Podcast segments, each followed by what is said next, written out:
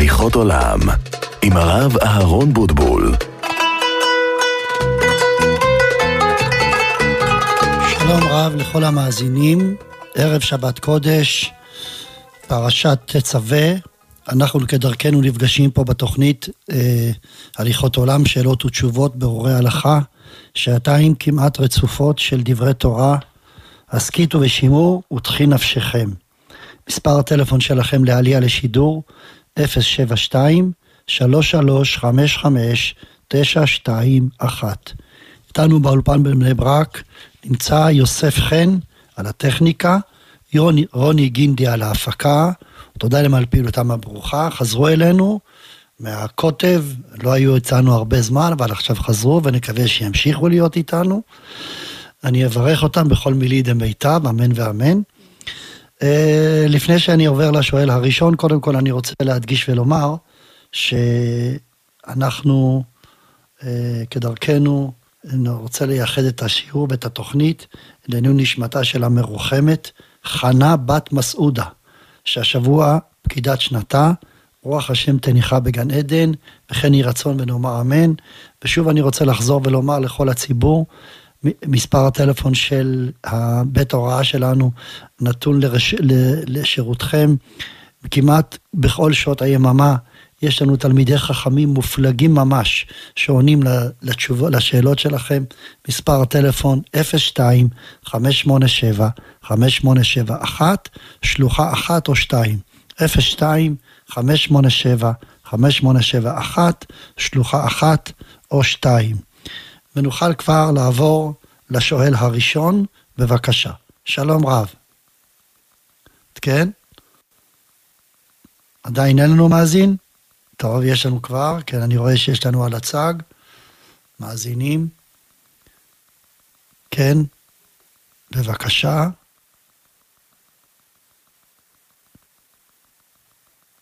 כן, יש לנו כבר? טוב. אני רואה ש... שלא כך, אז אני, אני מציע שאני, עד שנעבור לשואל הראשון, אני אפתח בדבר תורה קצר לעניין הלכתי שעסקתי בו השבוע. בשבוע שעבר נשאלתי, בשבוע שעבר נשאלתי, האם מותר לאדם, או לפני שבועיים נשאלתי, כן? ש... שלום? שלום. בבקשה. כן, שלום, צהריים טובים. רציתי לשאול שאלה.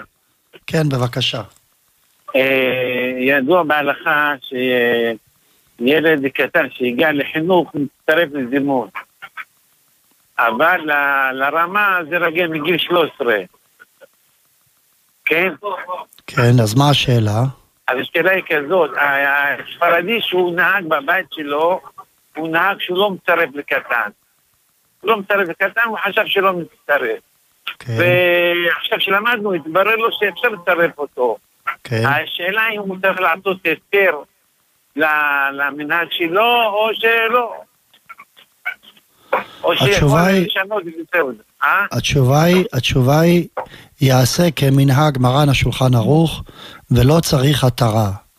ברגע שאדם נהג בהלכה מסוימת, או לחומרה או לקולה, והדבר נובע מחוסר ידיעת החומר, חוסר הבנת העניין, ברגע שנודע לו העניין, הוא חייב, או יותר נכון יכול לבטל את המנהג הקודם, בין לקולה בין לחומרה, ולחזור ולנהוג כמנהג העיקרי כדעת מרן השולחן ערוך, שהוא מרא דהרא דישראל.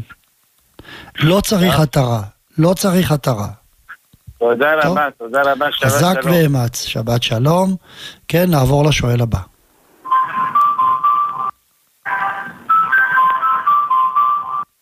שלום רב, בבקשה. אפשר לשאול? כן, בבקשה, אתה יכול לשאול. אה, ש- אה, כוסות חד פעמי מקרטון ל- לכל השנה, האם זה צריך לזה הכשר או לא צריך לזה הכשר? אתה מתכוון הכשר בקשר למה? בקשר... לכוסות חד פעמי מקרטון לשתייה חמה. לא צריך הכשר. לא צריך הכשר. לכתחילה אולי עדיף לקנות עם הכשר, אבל אם לא מוצאים עם הכשר, לא צריך הכשר. לא צריך. או, קרטון. בסדר, מתי צריך הכשר? לפסח. לפסח. עכשיו אנחנו לא בכל ימות השנה, אין מה לחשוש. טוב, בסדר, בסדר, חזק תודה רבה. ואמץ, תודה רבה. נעבור לשואל הבא. שלום, כבוד הרב. כן, שלום, בבקשה. אח שלי שואל אם מותר לו לשחק כדורגל בשבת.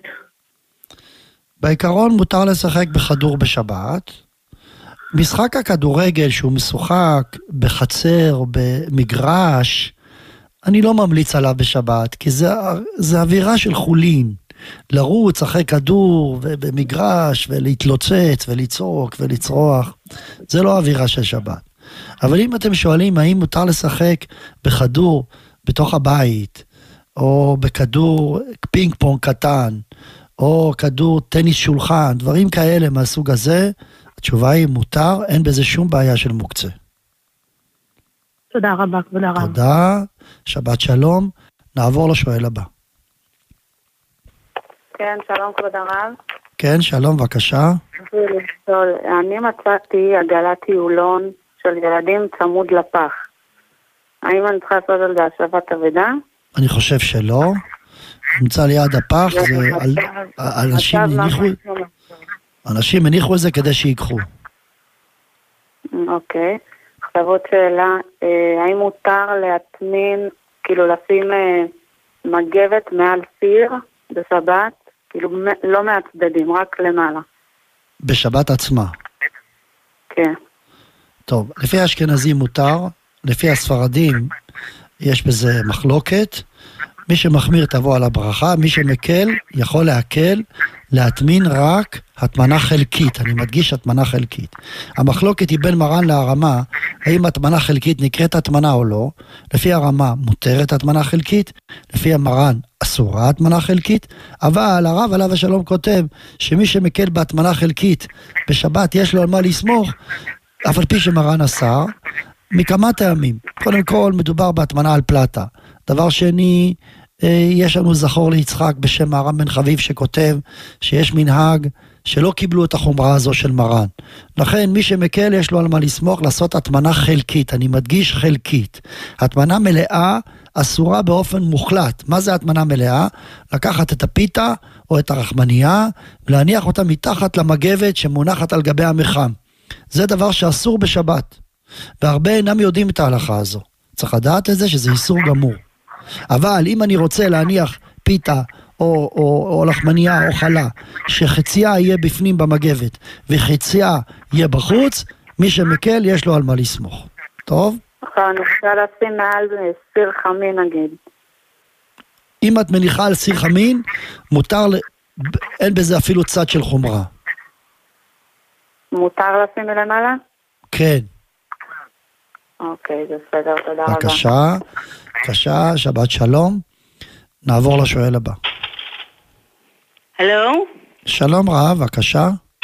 שלום וברכה. קודם כל תודה רבה על השיעורים המחכימים. תודה. ורציתי לשאול שאלה, אמי, עליה השלום, נפטרה בי"ג באדר לפני, חמש, לפני תשע שנים. בשנה רגילה השנה או בשנה מעוברת? בחודש הבא, בחודש אדר ב', יוצא שזה יוצא בשבת. רציתי לדעת מתי אנחנו עולים לקבר, מתי אנחנו, מתי אנחנו עושים את הסעודה, מתי, כל הדברים שצריכים לעשות. טוב, אז נעשה ככה. פטירה של אדם בחודש אדר בשנה רגילה, קודם כל נתחיל בשאלה האם עושים את האזכרה באדר ראשון או באדר שני.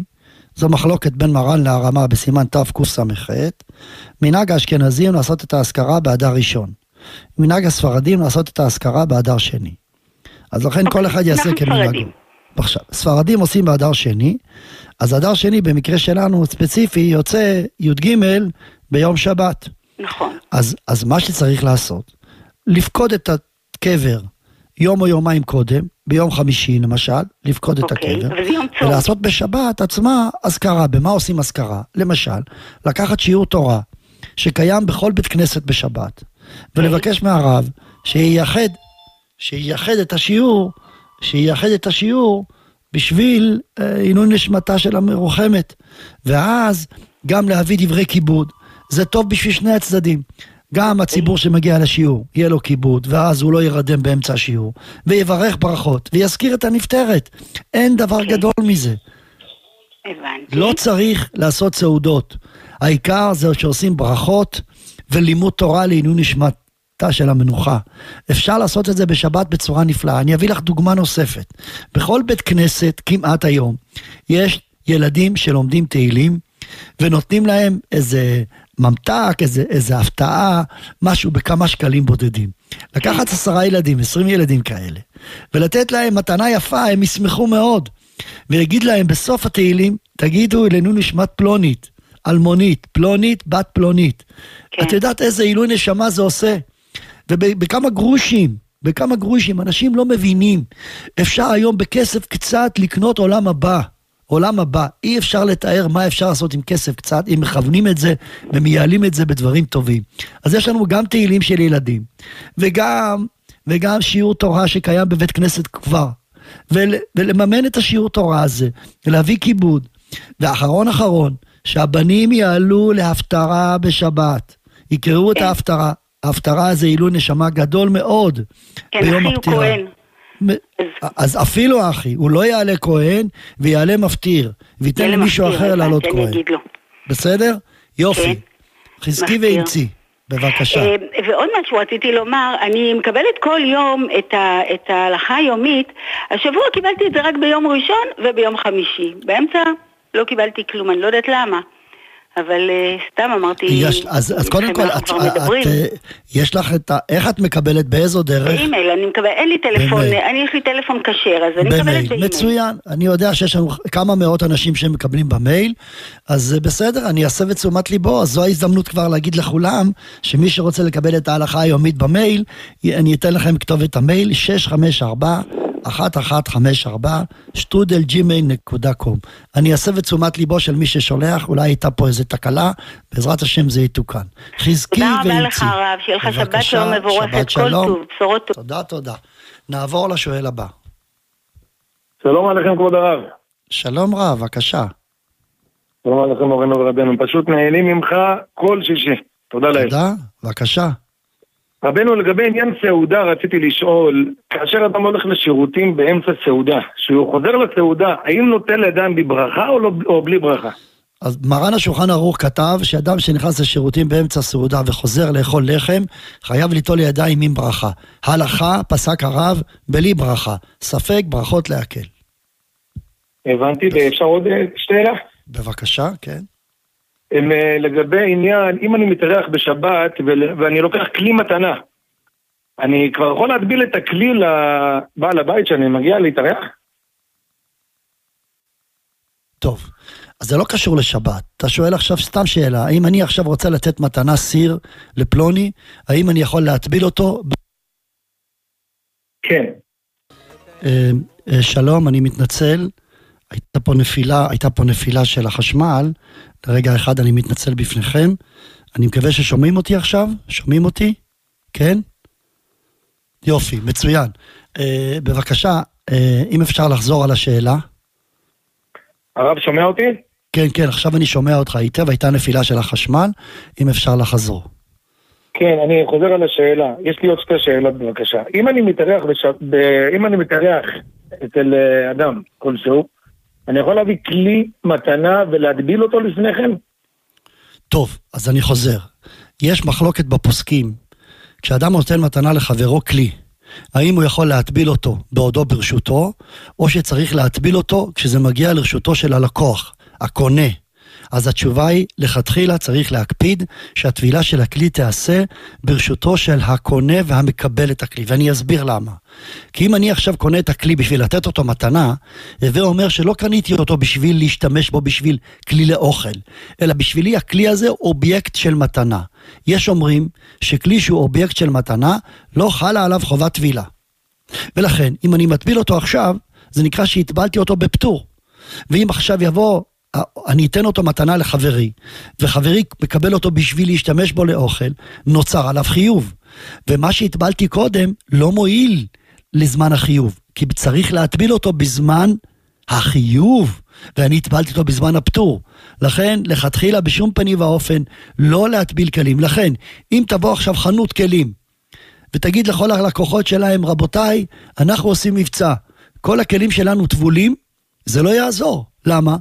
כי החנות לא קונה את זה בשביל להשתמש, החנות קונה את זה בשביל למכור. אז זה נקרא כלי שעומד לסחורה. כלי שעומד לסחורה פטור מטבילה. אז יוצא שהוא טבל אותו בזמן שהוא פטור. ואחר כך אני לוקח אותו אליי, ואז אני נעשה בר חיובה. והפטור לא מועיל לחיוב. לכן, שאלת שאלה יפה, וזו ממש שאלה מאוד מאוד יפה. אני אכניס את השאלה הזו להלכה יומית, ממש מתלמידיי יותר מכולם, זו שאלה מאוד יפה, אני ממש אשתמש בה בשבוע הבא להלכה יומית, כלי שטבלו אותו ברשות החנות. ואותו דבר לגבי אדם שנותן מתנה. בסדר גמור, מה השאלה השנייה? השאלה הבאה שלי הם אה, לגבי עניין אה, שירותים, האם זה הפסק לעניין ברכות הנהנים?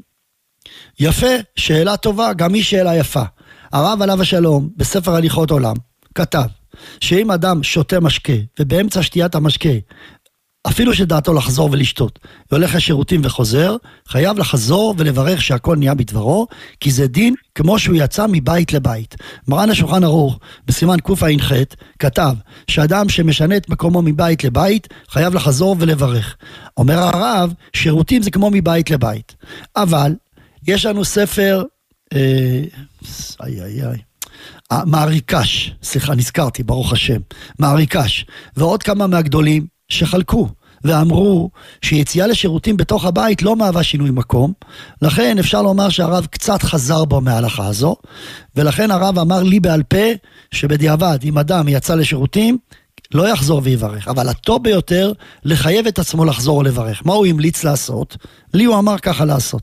אם אתה עכשיו שותה משקה, ובאמצע שתיית המשקה נכנסת לשירותים ואתה חוזר, צא החוצה מפתח הבית, ותחזור, ולכולי עלמא תחייב את עצמך בברכה, כי זה נקרא יציאה מחוץ לבית, ואז כולי עלמא מודים שחייב לחזור ולברך. כן, בבקשה, מה השאלה הנוספת? צריך להיות מתחת כיפת השמיים או לאו דווקא בתוך הבניין? אה, יציאה מפתח הבית לחדר המדרגות נחשבת יציאה מבית לבית. אוקיי, תודה רבה. ושאלה אחרונה, הם אה, שאלו אותך את זה בעבר, אני פשוט לא זכרתי את התשובה, לגבי עניין אה, מהנחת תפילין של רבנו תם. כאשר אני שומע קדיש באמצע רבנו תם שאני מניח, אני יכול לענות אמן? התשובה היא, אדם צריך שלא להיכנס לסיטואציה כזו. קודם כל, חכם עיניו בראשו. אדם שיודע שהוא הולך להניח תפילין של רבנו תם, יקפיד לא להניח בזמן שאומרים קדיש, בזמן שעושים חזרת השץ, בזמן שהוא צריך לענות. בדיעבד, אם הוא התחיל להניח ונקלע למצב של קדיש, יענה אמן. אבל לדעת רבנו זרחיה הלוי בעל המאור, אסור לענות בין תפילין של ראש תפילין של יד וגם בתפילין של רבנו תם, ולכתחילה צריך לחוש לדבריו. ולכן פסק הרב, שאדם ירא שמיים שמניח תפילין דרבנו תם בציבור, יקפיד תמיד להניח את זה לא בזמן קדישים. אני עושה את זה בזמן יהיה חסדך.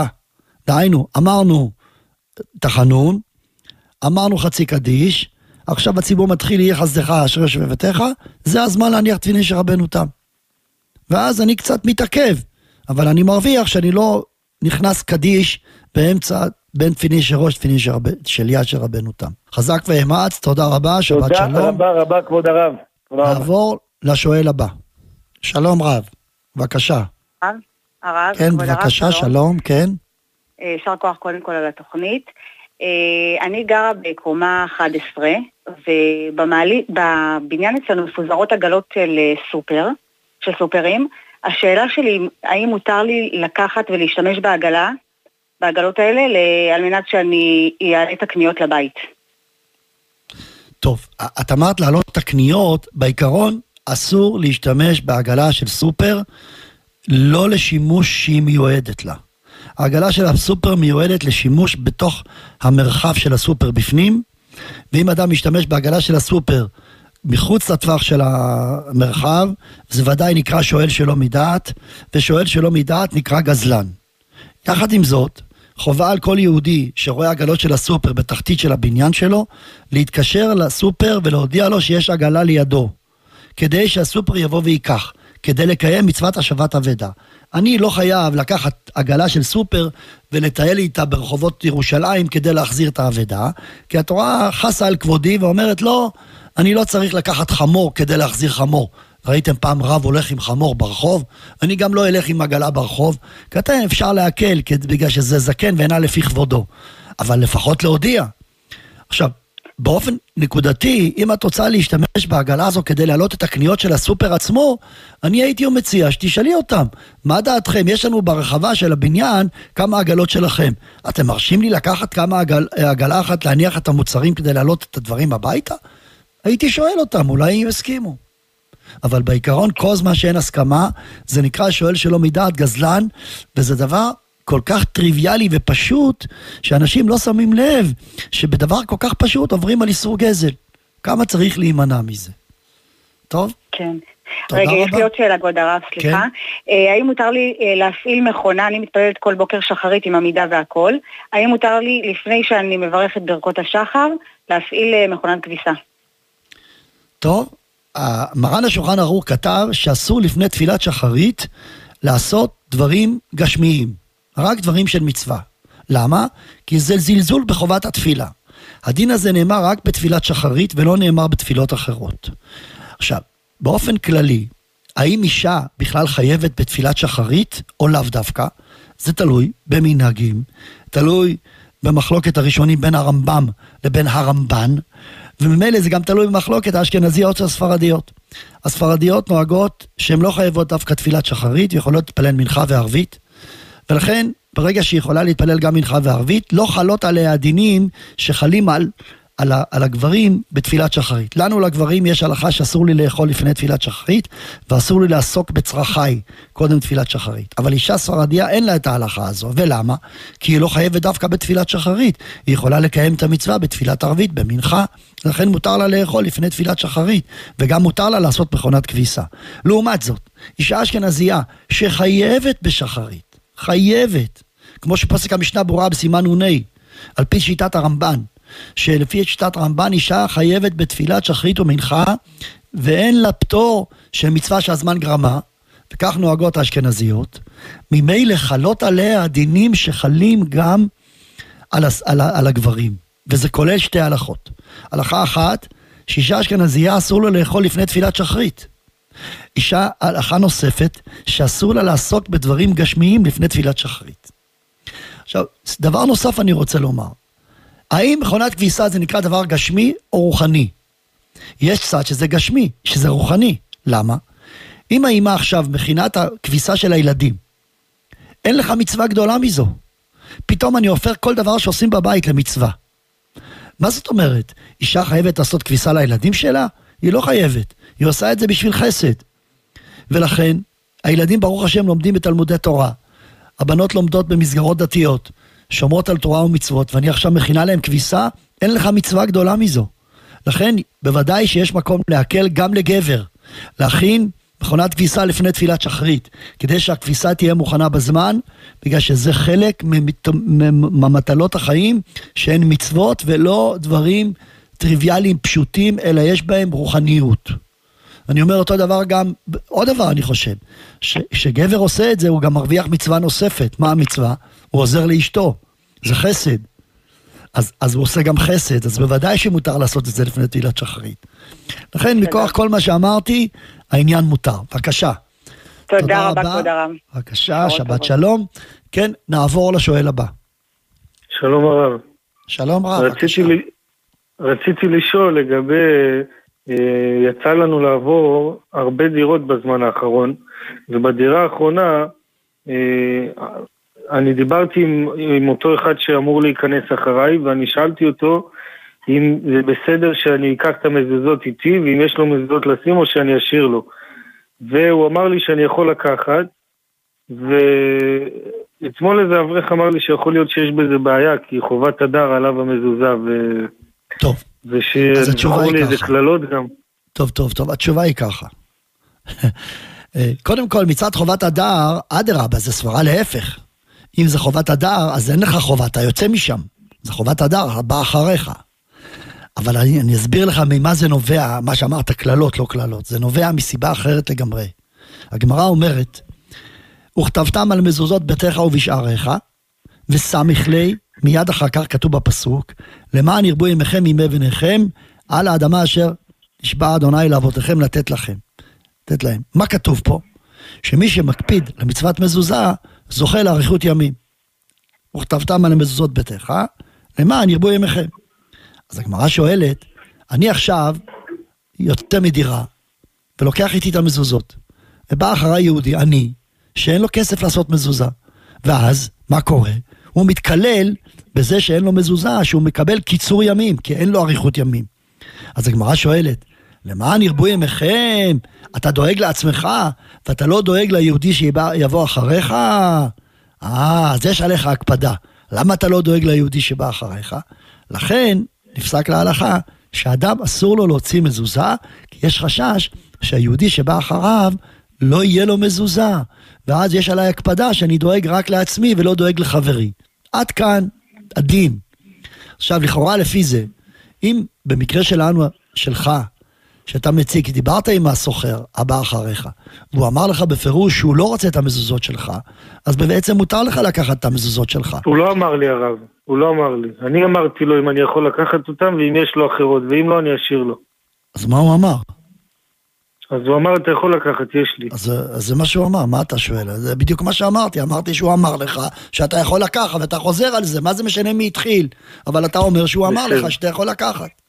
באמת. אני לא מבין, אבל נעזוב. אז, אה, אז אם כן, לפי זה אין בעיה. אבל, בכל זאת, המנהג להקפיד שאם יש דבר כזה, שבא אחריך סוחר ורוצה להחליף את המזוזות, שיבוא לעשות את זה יחד איתך. דהיינו, הוא יביא את המזוזות שלו, ובאותו רגע שהוא מביא את המזוזות שלו, אתה מוציא את המזוזות שלך, ואתה נותן לו לקבוע את שלו. עכשיו, כשאתה מוציא את המזוזות שלך, אתה לא אומר שאתה לוקח אותן בשביל לעקור אותן, אלא אתה אומר שאתה לוקח אותן בשביל לבדוק אותן. יש מעלה בבדיקת המזוזה כל עת ועת. כשאתה מוריד את המזוזה לא בשביל להוריד אותה מצד הקדושה, אלא מצד לבדוק, אין בזה שום בעיה. עכשיו, להחזיר, אני כבר לא חייב להחזיר, כי חברי שבא אחריי, בא וקבע מזוזה. לכן הטוב ביותר, וככה נוהגים כולם, כדי שלא יהיה לנו רגע אחד בלי מזוזה, לעשות את זה בצורה חופפת. בסדר? בבקשה. אני צריך לבדוק אותם באמת, הרב? כל הזמן? כן, התשובה היא, לא אמרתי כל הזמן, אמרתי שאתה מוציא, כדאי לבדוק. כן. למה? כדי שזה ייקרא שהוצאת בשביל לבדוק. בסדר? כן, הרב, עוד שאלה אחרונה, אם אפשר, לגבי טיטול. טיטול בשבת, צריך, אה, אה, יש בעיה, יש בעיה לסגור את הדבק שלו שמסיימים איתו? התשובה היא, כיוון שהיום הדבק הוא עשוי מסקוץ' ולא ממש מדבק, אפשר להקל. אבל אם מדובר, אם מדובר בסרט דבק אמיתי, אסור להדביק את הטיטול עם דבק אמיתי משום מלאכת תופר. בבקשה. והמשחה, והמשחה זה ממרח הרב אם שמים על הטיטול? אם שמים על הטיטול, אין בזה איסור. אם מורחים על הגוף, יש חשש של ממרח, כי המשחה היא משחה עבה מאוד, וגם מטרתה לאטום את הגוף מהחומציות שבשתן, ולכן יש בזה חשש ממרח. הפתרון הוא למרוח את המשחה על גבי הטיטול. בסדר? תודה, תודה רבה. רבה. שבת שלום. נעבור לשואל הבא. שלום הרב. שן שלום, בבקשה.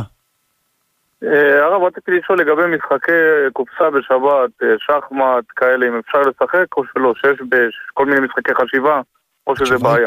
התשובה היא מותר לשחק במשחקי חשיבה, לבד מכמה משחקים ספציפיים שאסור, כמו למשל פאזל, כמו למשל אה, מונופול, שיש בהם חשש אה, אה, אדיוטות ומשא ומתן של קנייה או מכירה, או כמו למשל פלסטלינה, שיש בזה משום מכה בפטיש ומצייר, וזהו. אבל סתם, שש בשחמט, כל מיני משחקי חשיבה כאלה, מותר. בוודאי, כן, מותר. תודה רבה רבה. חזק ואמץ, תודה לך, חזק ואמץ. נעבור לשואל הבא. שלום, כבוד הרב. כן, שלום, בבקשה. שלום, אה, אם השארתי אור דלוק בחדר ואני רוצה אה, לכסות את זה עם נייר כסף או עם איזה בד כלשהו, האם מותר לי אה, לעשות את זה וליהנות כאילו מהחושך? בוודאי. לכסות את המנורה אין בזה שום איסור. לכסות, אבל אני לא ממליץ לכסות את המנורה עם בד, כי יש חשש שהבד הזה יכול להישרף, כי המנורה מאוד מאוד חמה. אבל אה, אין בעיה הלכתית כלשהי לצפות את המנורה ולכסות אותה בצורה כזו שלא יהיה אור בחדר, כי אני לא מכבה את המנורה. המנורה ממשיכה לדלוק, רק אני מחשיך את האור שלה, אבל לא כיביתי אותה. טוב? אוקיי, ומותר לי כאילו לחתוך את הנייר כסף בשינוי או משהו? או ש- לא, לא, לא. אה, רק אם יש נייר כסף אה, לחתוך את מוכן. הנייר אסור גם בשינוי. גם בשינוי כשאני חותך זה איסור דרבנן, אומנם זה שבות דשבות, אבל זה תרי דרבנן, לא, לא, אנחנו לא מתירים בכזו קלות לעשות שתי מלאכות דרבנן. רק במקום צורך גדול, סיבות מיוחדות, אבל לא במצב סטנדרטי. טוב?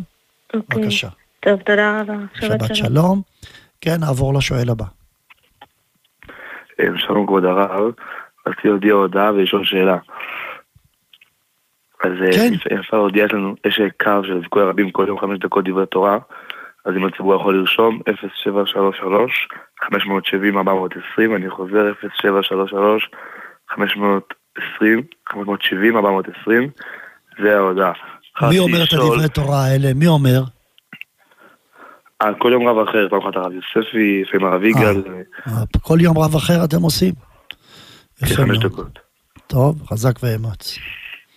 אה, רציתי לשאול, אדם שהוא הולך אחרי- רבותיו והסוכרה שאירוחה, עכשיו רבותיו אומרים לו דברים שהוא לא כזה מבין, לפעמים יש עיר שאומרים לו להצביע משהו מסוים, והוא לפי הסקרים שהוא רואה, הוא אומר זה בל תשחית תצביע. האם הוא אבל פי כן צריך להצביע, או, או שיש גם שטוענים שאם זה עיר חרדית, והמתמודדים הם רק חרדים, אז אין פה הם עניין להצביע, אז הם לא מקשיבים לרבנים, אם צודקים או לא. טוב. מה אני אגיד לך? אני, אני, אני מעדיף לא לענות לשאלה הזו. מה, מה אתה... מה, ש, מה שאני אגיד, אני מסתבך. אתה מבין? אז לכן אני מציע שאולי תשאל רבנים אחרים שיש להם דעה יותר מגובשת. גם לי יש דעה מגובשת, אבל אני לא רוצה לענות אותה. אני מצטער. טוב? תודה רבה, חזק ואמץ. שבת שלום. נעבור לשואל הבא. שלום הרב, שלום רב, בבקשה. אה, האם מותר לשחק חמש אבנים בשבת? התשובה היא כן, מותר לשחק חמש אבנים בשבת, בדיוק. יפה אמרת. אחרי גיל בר מצווה? גם אחרי גיל בר מצווה, בדיוק. מותר לשחק חמש אבנים בשבת, זה לא מוקצה, כי האבנים הללו מיועדות למשחק, וזה כלי לכל דבר, אין בזה דין מוקצה, מותר לשחק. בבקשה. תודה רבה הרב. בבקשה, חזק ואמץ, נעבור לשואל הבא. שלום. שלום. הרב, רציתי לשאול אם מותר לשחק משחק שקוראים לו סיכון. טוב, עכשיו, אתה יודע, יש כל כך הרבה משחקים, וכל פעם צריכים לפרק לי מה זה המשחק. אתה מבין? מה זה? אה, זה משחק כאילו שמטילים בו קוביות, ולפי זה, זה מי שיוצא נגד מספר גבוה, הוא המנצח, הוא מקבל מדינה. לפי מי שיוצא מספר? הכי גבוה. זה, זה ומה? כל תהליך המשחק. ומה אחר כך? זהו, ככה כובשים מדינות לפי קוביות. אה, ככה זה. איך כובשים? אם נגיד, כי יצא לי מספר 10, אז מה יש לי עכשיו במספר 10? נגיד זה שתי קוביות, כל, זהו, רק למי שיוצא מספר יותר גבוה, התוקף נגד הנתקף, מי שיוצא מספר יותר גבוה לא יורד חיילים מאותה מדינה. טוב, מותר. זה לא, זה לא משא ומתן, זה לא מקח וממכר, אפשר לשחק במשחק הזה, כן. וקטן? קטן זה ממש משא ומתן ומקח וממכר, צריך להימנע מלשחק בו. אני ממש מצטער, זה משחק של אסטרטגיה. דרך אגב, אני בדקתי בקטן וראיתי שההצהרה של, של, ה, של המוכר, המוציא לאור של המשחק, שהוא כותב בפורש שהמשחק הזה מיועד ליצור מיומנויות, מיומנויות מסחר. כלומר, המטרה של המשחק היא כדי ללמד את הילד להיות סוחר. וזה בדיוק מה שחכמים אסרו לעשות בשבת. לא להיות טוב, סוחר. בשבת. תודה רבה לך, חזק ואמץ, שבת שלום. נעבור לשואל הבא. שלום וברכה הרב. שלום, תודה בבקשה. רבה, תזכה למצוות על הכל. תודה. אה, יש לי כמה שאלות האמת ברשותי. אה, קודם כל אחד, זה איזשהו קניון שביום בהיר הוא אומר לחנויות שלו, שנמצאים שם בקניון, שמכירים את החנויות, הוא אומר להם שצריך לפתוח בשבת. והוא אומר, תעשו איך שאתם עושים, תעסיקו גוי במקום. אנחנו פותחים את המקום בשביל אה, הערבים מבית לחם, שאנחנו מביאים לפה, אה, והם עושים את הקניות שלהם רק בשבת. קודם כל רציתי לשאול לרב אם יש לזה היתר לדבר הזה. אה, מה זאת אומרת, היתר לה, להפעיל חנות עם גוי בשבת? זו השאלה שלך כן. עכשיו? כן. אז התשובה היא ככה.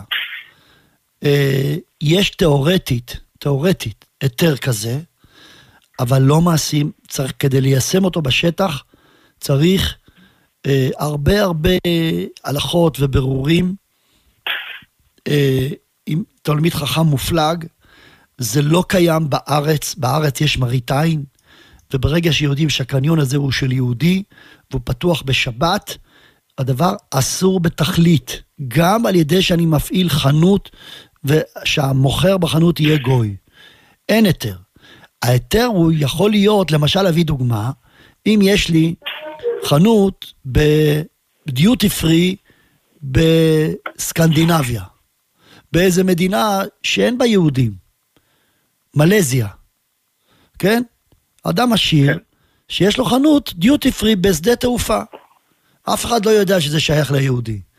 והם אומרים לו שהוא צריך להפעיל את החנות גם בשבת. פה יש צד מסוים, שאם, אני מדגיש צד מסוים, שהוא יפעיל את הגוי בקבלנות, אני מדגיש, לעשות חוזה מיוחד לשבת בקבלנות, יש צד שזה מותר. למה? קודם כל, הגוי לא מקבל שכר יומי, אלא מקבל אחוזים, זה נקרא קבלנות. דבר שני, אין מראית עין, בגלל שאף אחד לא יודע שזה שייך ליהודי. דבר שלישי, החנות נמצאת במקום של גויים בכלל, רחוק מארץ ישראל, רחוק מיהודים. אז אפשר להקל. אבל קניון בארץ, בארץ, שהוא שייך ליהודים, ופותחים אותו בשבת, אין לך חילול השם גדול מזה, ואין לך איסור גדול מזה, ואין שום היתר שיבואו גויים או שיבואו מוסלמים, לא מעניין אותי. הדבר אסור בתכלית, אין שום היתר. אני חוזר ואומר, אין שום היתר. אפילו שהקניון הוא פתוח אך ורק לגויים. אין שם יהודים שנכנסים לקניון הזה. הוא נמצא בארץ ישראל. ממש ככה? אין כן, יהודים ממש ככה הרב, הם מביאים קבוצות, לא, הם מביאים קבוצות מה זאת מיוחדות אומרת? מה, איזשהו... זה- למה? אבל זה פתוח, יהודי יכול לבוא, מה אתה אומר? לא, לא, לא, לא, אי אפשר, אי אפשר להיכנס לשם הרב, לא, לא. אי אפשר להיכנס לשם היהודים. הם מביאים קבוצות מיוחד, אף אחד לא מודע בכלל שהקניון פתוח. הם פשוט מביאים קבוצות אה, מבית לחם, מכל מיני מקומות, קבוצות מאורגנות, ובעיקרון, החנות, החנות נקראת סגורה או פתוחה? החנות נקראת סגורה או פתוחה? פתוחה, מה זאת אומרת? היא פתוחה בשבת, רק בשבת. אז עדיין יש מראית עין, אז מה אתה אומר לי? יש מראית עין. הרי כולם יודעים שהקניון הזה שייך ליהודי. יהודי אסור לו לפתוח חנות בשבת, זה גופה שהוא פותח חנות בשבת, זה מראית עין, מה אכפת לי מי קונה? קונה גוי או קונה יהודי? אני אסור לי לפתוח חנות בשבת. אלא מה? אם אתה אומר לי שהחנות נקראת סגורה, כמו למשל, כשיש דיוטי פרי בשדה תעופה במדינה זרה, פה אין שום מראית עין. אף אחד לא יודע שזה שייך ליהודי, אבל פה יודעים שהחנות שייכת ליהודי. אין שום היתר. אוקיי. תסתכל מה שכותב מרן בסימן רנ"ב, כותב במפורש שהדבר אסור. אוקיי, הרב, בסדר גמור. עוד שתי שאלות מחילה, הרב. לגבי תפילה, אני, כשאני מגיע לתפילה, אני אף פעם לא מספיק להיות עם החלטה בבוקר בשחרית. אני פשוט עושה את הפסוקי דזמרה לאט, הכל לאט, אין מה לעשות. ככה אני אוהב לקרוא, אני אוהב אה, לקרוא את זה ב- בנעימות ובזה. עכשיו, אני כמעט לא מספיק בבוקר איתו בכלל. שאלה מה הרב, אה, מה הרב אה, חושב שאני אני צריך מציע, אני מציע שתבוא רבע שעה יותר מוקדם, ותתחיל לא את יכול. התפילה. לעשות? לא יכול, לא באפשרותי. טוב. לא באפשרותי. אני, יש לי את הזמן שלי עם ילדים. התשובה וכל היא, זה. מה- התשובה היא, אם אתה לא יכול, אז תעשה, תדלג, תקרא פסוקי דזמרה לאט לאט, אחרי 18. זה מה שצריך לעשות במקרה כזה. אין ברירה. הרי מרן כתב בשולחן ערוך סדר עדיפויות. צריך לקרוא פסוקי דזמרה. אבל אם זה על חשבון תפילת 18, עדיף להתפלל 18 עם הציבור, ולקרוא פסוקי דזמרה אחרי ה-18. כך כותב השולחן ערוך. אוקיי, טוב, הרב. בבקשה. בסדר, הרב, עוד משהו קטן, מחילה הרב, לגבי השקפה, לגבי אה, עניין של שידוכים. העניין הוא ששואלים, אני כל פעם מתקשרים אליי, מתקשרים לכל מיני חברים גם, וזה, מתקשרים, שואלים לברר. אני, אני אישית מרגיש כאילו שזה משהו לא, לא נראה לי כל כך תקין. כי היום כל, היום כל השכנים, היום כולם נגועים בכל מיני דברים, יש בעיות עם שכנים, יש בעיות עם זה, ולשאול שאלות על הבחורה או על הבחור, כל הזמן אני חושב שזה משהו לא, לא נראה לי תקין. בפרט אני חושב גם שאם בן אדם הזיווג שלו כבר אה, אומרים 40 יום לפני הוולד, אז מה בכלל אנחנו צריכים להיכנס לשאלות האלה, מי זמור ואיך ומה המשפחה? אני אענה לך, השאלה הזו היא כן. שאלה יפה, והיא מתאימה מאוד לתוכנית ביום ראשון, אולי אני אתייחס אליה ביום ראשון גם. יש לנו תוכנית מיוחדת לדברים מהסוג הזה, שיחת חולין, ביום ראשון בשעה 10 בלילה. אני אומר לך בשתי, בשתי מילים. אמרת סכסוכים של שכנים וכולי. ברור שלפעמים יש חיסולי חשבונות בבירורים האלה. אבל בוא נשאל שאלה כזו. בא אליי עכשיו אבא של בת, ש... שיש לו בת מקסימה וטובה, מהתלמידות הטובות ביותר בסמינר, באמת משפחה למופת, ושואל אותי על בחור מסוים, אה, ואני מכיר את הבחור, ואני יודע שהבחור הזה הוא חלש, לא קם בבוקר לתפילות, לומד, בקושי משקיע את הראש שלו בלימודים, והראש שלו בשטויות, עולם הזה, בין הזמנים הוא מטייל כל הזמן. הוא לא מתאים לבת אה, שיש לה שאפתנות גדולה. אז אני אשתוק ויחריש ויגיד לו, תלך על זה? בוודאי שלא, חובתי להגיד לו את מה שאני חושב. ולמה אתה מכניס פה את העניין שכנים, לא שכנים? אין פה בעיה של שכנים. אני רואה שיש לי פה ידיד נפש, שיש לה בת מקסימה, ואני מכיר אותה. ואני יודע שהיא לא מתאימה לבחור הזה. אז עכשיו, חובתי, אני אומר חובתי להגיד לו מה שאני חושב על הבחור הזה. ואני לא אומר בשביל חיסול חשבונות, אני אומר מה שחובתי. עכשיו, מה ששאלת, 40 יום קודם יצירת הוולד, הקדוש ברוך הוא גוזר בת פלוני לפלוני, הכל נכון, הכל נכון. אבל ברור כשמש בצהריים, שכמה שהקדוש ברוך הוא גזר וגזר וגזר, אבל אם אדם לא יעשה מאמץ למצוא את המשודכת שלו, הוא לא יקבל אותה מהשמיים. אם אדם יגיד, אתה הקדוש ברוך הוא קבעת לי כבר את המשודכת שלי, נכון? תביא לי אותה. כמו מן שירד לאבותינו ביציאת מצרים. ככה תביא לי אותה. אז הקדוש ברוך הוא צוחק עליו, אומר לו, הוא יישאר רווק עד יומו האחרון. נכון שאני גזרתי, אבל הגמרא בקידושין אומרת, מה דרכו של איש, מה דרכו של מוצא אבדה לחזר אחר אבדתו, כך דרכו של איש לחזר אחר אשתו. כך לשון הגמרא. כשאני אומר לחזר, זה אומר כמה דברים. קודם כל, לעשות פגישות, לראות אם זה מתאים או לא מתאים. דבר שני, לברר. למה? כי, כי אם אני לא אברר, יכול להיות שאני אסכים. תאר לעצמך, תאר לעצמך. אחד יגיד, הציעו לי עכשיו הצעה, אני סותם את העיניים, אני אומר, אני לא יודע כלום, הקדוש ברוך הוא גזר לי, אם, אני עושה תנאי לקדוש ברוך הוא. אם זה מה שהקדוש ברוך הוא גזר, זה ילך. אני נותן תשובה חיובית. מה נגיד לו? שהוא שותה, שותה גדול. למה? מה זאת אומרת אתה נותן תשובה חיובית? ואם היא לא מתאימה לך, אתה תיתן תשובה חיובית אם היא מתאימה לך. עכשיו, מה הפשט? הקדוש ברוך הוא עוזר. עוזר. איך הוא עוזר? בזה שהוא נותן לנו כלים להחליט, בזה שהוא נותן לנו מציאת חן, בזה שהוא נותן לנו בבירורים לדעת מה מתאים ומה לא מתאים. כל הפעולות הללו, הקדוש ברוך הוא עוזר לנו להגיע להחלטה. אבל ההחלטה היא שלי, והקדוש ברוך הוא מנווט אותי להגיע להחלטה, אבל ההחלטה היא חייבת להיעשות בכלים גשמיים של בירורים, פגישות, מציאת חן וכדומה. טוב. תודה רבה לך, חזק ואמץ. תודה, שבת שלום. שבת שלום ומבורך. נעבור לשואל הבא. שלום הרב. שלום רב, בבקשה. רציתי לשאול אה, לגבי אם שכחתי את הדוד דולק בשבת. כן. עכשיו, אני לא יודע אם, כאילו, יש כאלה, דוד, יש כאלה דודים שהם אה, עם אה, תרמוסטט כזה, שזה כן. מגיע לחום מסוים. אני מבין, אני מבין את השאלה. אז, אז אפשר לומר שכל הדודים יש להם תרמוסטט, אבל לפעמים קורה שהתרמוסטט מתקלקל בדוד. ואני יכול לספר לך שחתני שליטה שהייתה לו דירה בפסגת זאב, והדירה הזו הושכרה לדיירת, ובא, והדוד שמש עם הבוילר היה על הגג, והדיירת שכחה לכבות את הבוילר, ויום בהיר אחד התפוצץ הבוילר ועף למרחק של חצי קילומטר, פצצה ממש, תחשוב, חצי קילומטר. תאר לעצמך, דבר כזה קורה בתוך הבית, לא רוצה להגיד מה יכול להיות. עכשיו, בבוילר הזה היה תרמוסטט, אבל פשוט הוא התקלקל. לכן הוראה הלכתית הלכה למעשה. מי ששכח והשאיר את הבוילר דולק לשבת, יכבה אותו בשינוי מאוד פשוט. המתג נמצא בהישג יד, יעלה על כיסא עם המתג גבוה ויכבה אותו במרפק של יד שמאל. וזה נקרא תרי דה רבנן. למה תרי?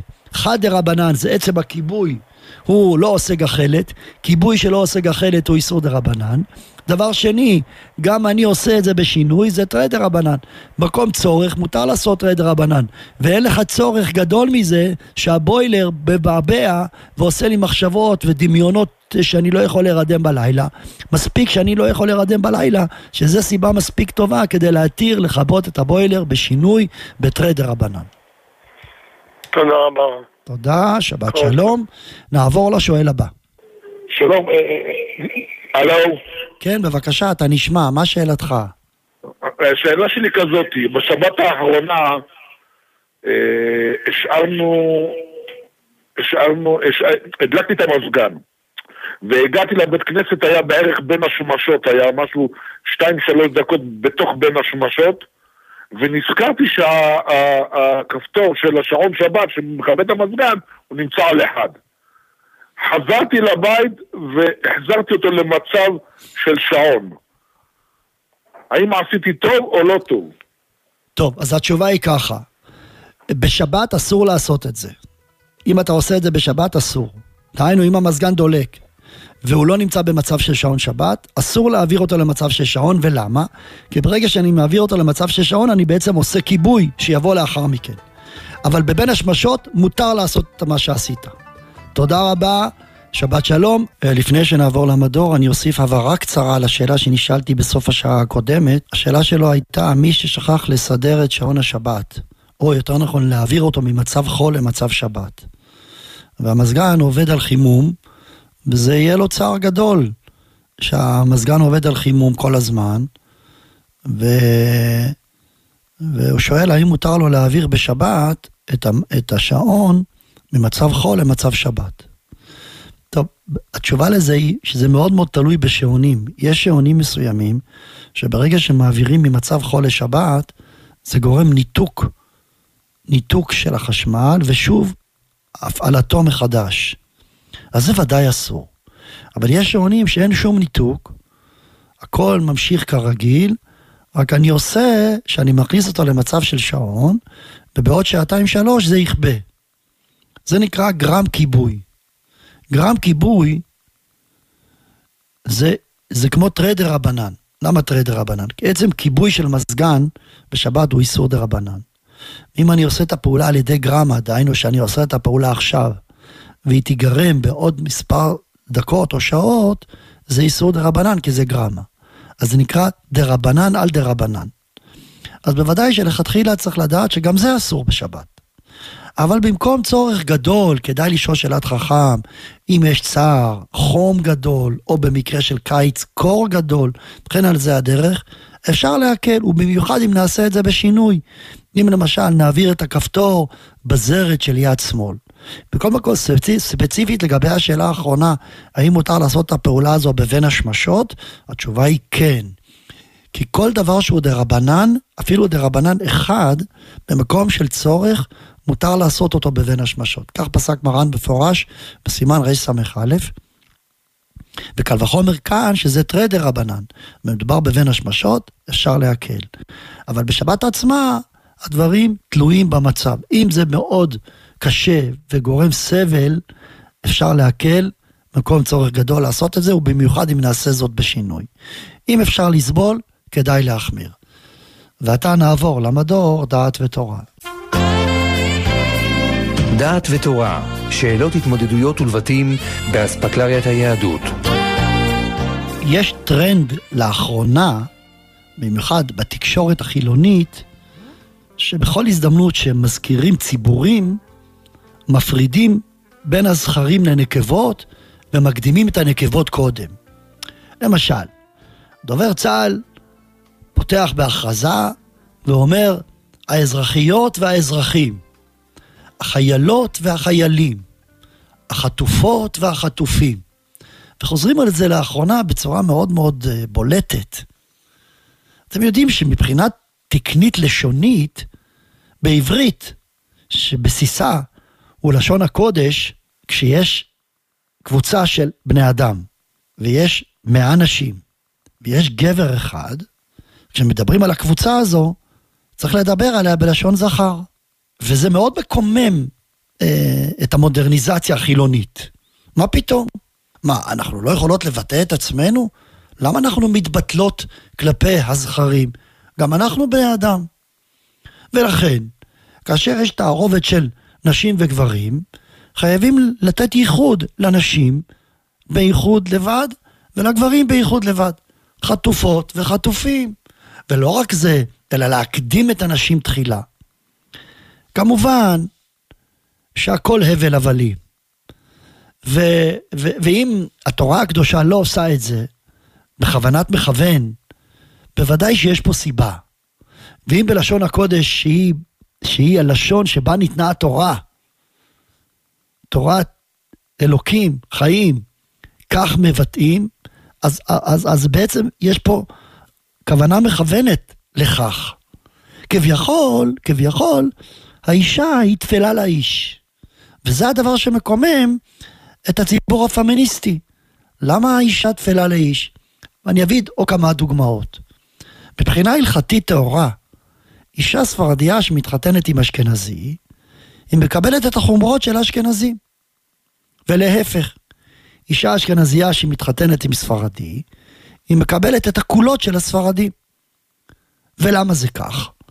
בגלל שיש הלכה שאם אדם עובר ממקום שנהגו למקום שלא נהגו, או להפך, מקבל עליו חומרי מקום שבא לשם.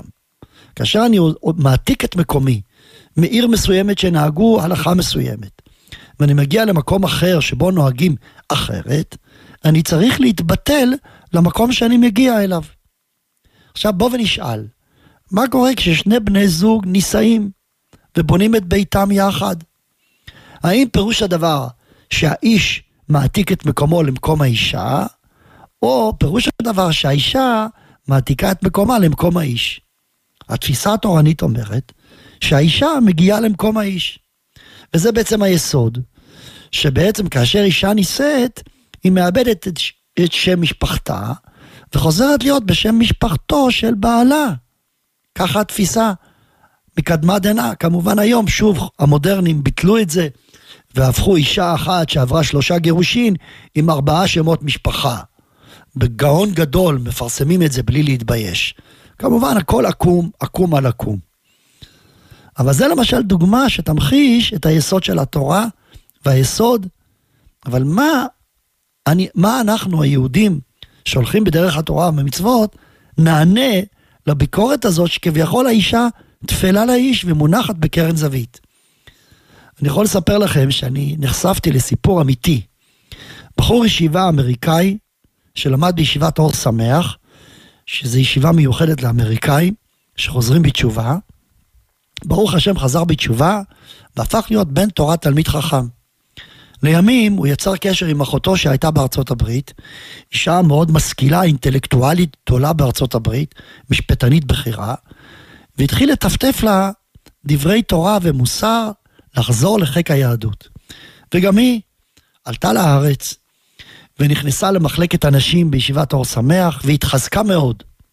חלק מתהליך ההתחזקות בישיבת אור שמח הוא שלוקחים את הבחורים או את הבנות שמתחזקות ו- ומצרפים אותם למשפחות חרדיות, במיוחד אמריקאים דוברי אנגלית, לשבתות, כדי שיטעמו טעמה של שבת. ואז אותה אישה אינטלקטואלית הצטרפה למשפחה אמריקאית חרדית, ידועה מאוד, מפורסמת, שאבא תלמיד חכם, מרם באיזה ישיבה מפורסמת, בש, בשכונת אונסדורף בירושלים. והיא הייתה שם בשבת. אחר כך במוצאי שבת שאלו אותה, איך הייתה ההתרשמות שלך? אז היא אמרה, השבת מדהימה, היהדות מקסימה, אי אפשר לתאר את, את הטוב וה, והמיוחד שיש בשבת. אבל יש לי קושייה אחת, שאין לי עליה תשובה. למה ראיתי פערים בין הזכרים לנקבות?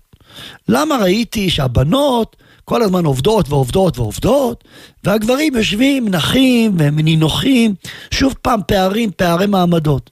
למה? זה היהדות? ועד כדי כך, שהקושייה הזו שלא נתנה לה מנוח, גרמה לה לשוב לארצות הברית ולחזור בחזרה בשאלה. זה דבר שאני קראתי עם, עם מסמכים, עם שמות, בצורה מדויקת מאוד. והדבר הזה עורר את מחשבתי, בעצם, רגע, האם זה נכון? האם הביקורת נכונה? מה נענה להם? אז אני רוצה להקדים ולומר מה שקראנו בזמן מתן תורה. התורה אומרת, בזמן מתן תורה, שהקדוש ברוך הוא אומר למשה, כה תאמר לבית יעקב ותגד לבני ישראל. כלומר, כשהקדוש ברוך הוא אומר למשה רבנו, אני רוצה להעביר לך את התורה לעם, אז הוא מחלק את העם לשני חלקים. חלק אחד נשים וחלק אחד גברים. הנשים נקראות בית יעקב, הגברים נקראים בני ישראל. מדוע? יש לזה הסברים. מדוע הגברים נקראים בני ישראל והבנות נקראות בית יעקב. אבל כך חז"ל אומרים, רש"י במקום אומר, כה תאמר לבית יעקב, אלו הנשים. ותגד לבני ישראל, אלו הגברים. כלומר, הקדוש ברוך הוא ביקש ממשה רבנו להעביר את התורה לעם, אבל הוא נתן לו בעצם שני מסרים.